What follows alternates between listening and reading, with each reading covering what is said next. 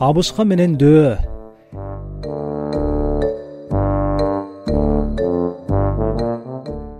Илгери кедей абышка ар кимдин ишин иштеп эптеп оокат өткөрчү экен. Бир күнү жолдон жумуртка таап алды. Андан ары барса дөө жолукту.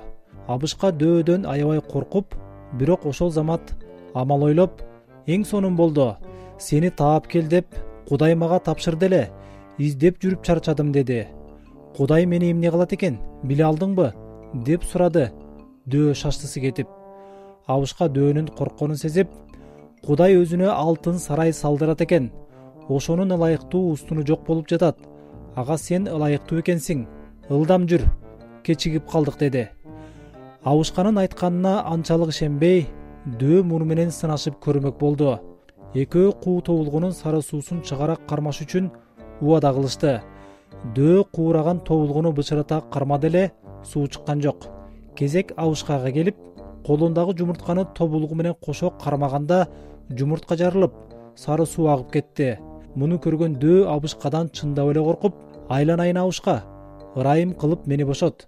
Азырынча муну ала тур деп ат башындай алтын берди. Абышка алтынды алып мейли эми дөөнү издеп таппадым деп кудайга айтып коеюн деди да өз жолуна түштү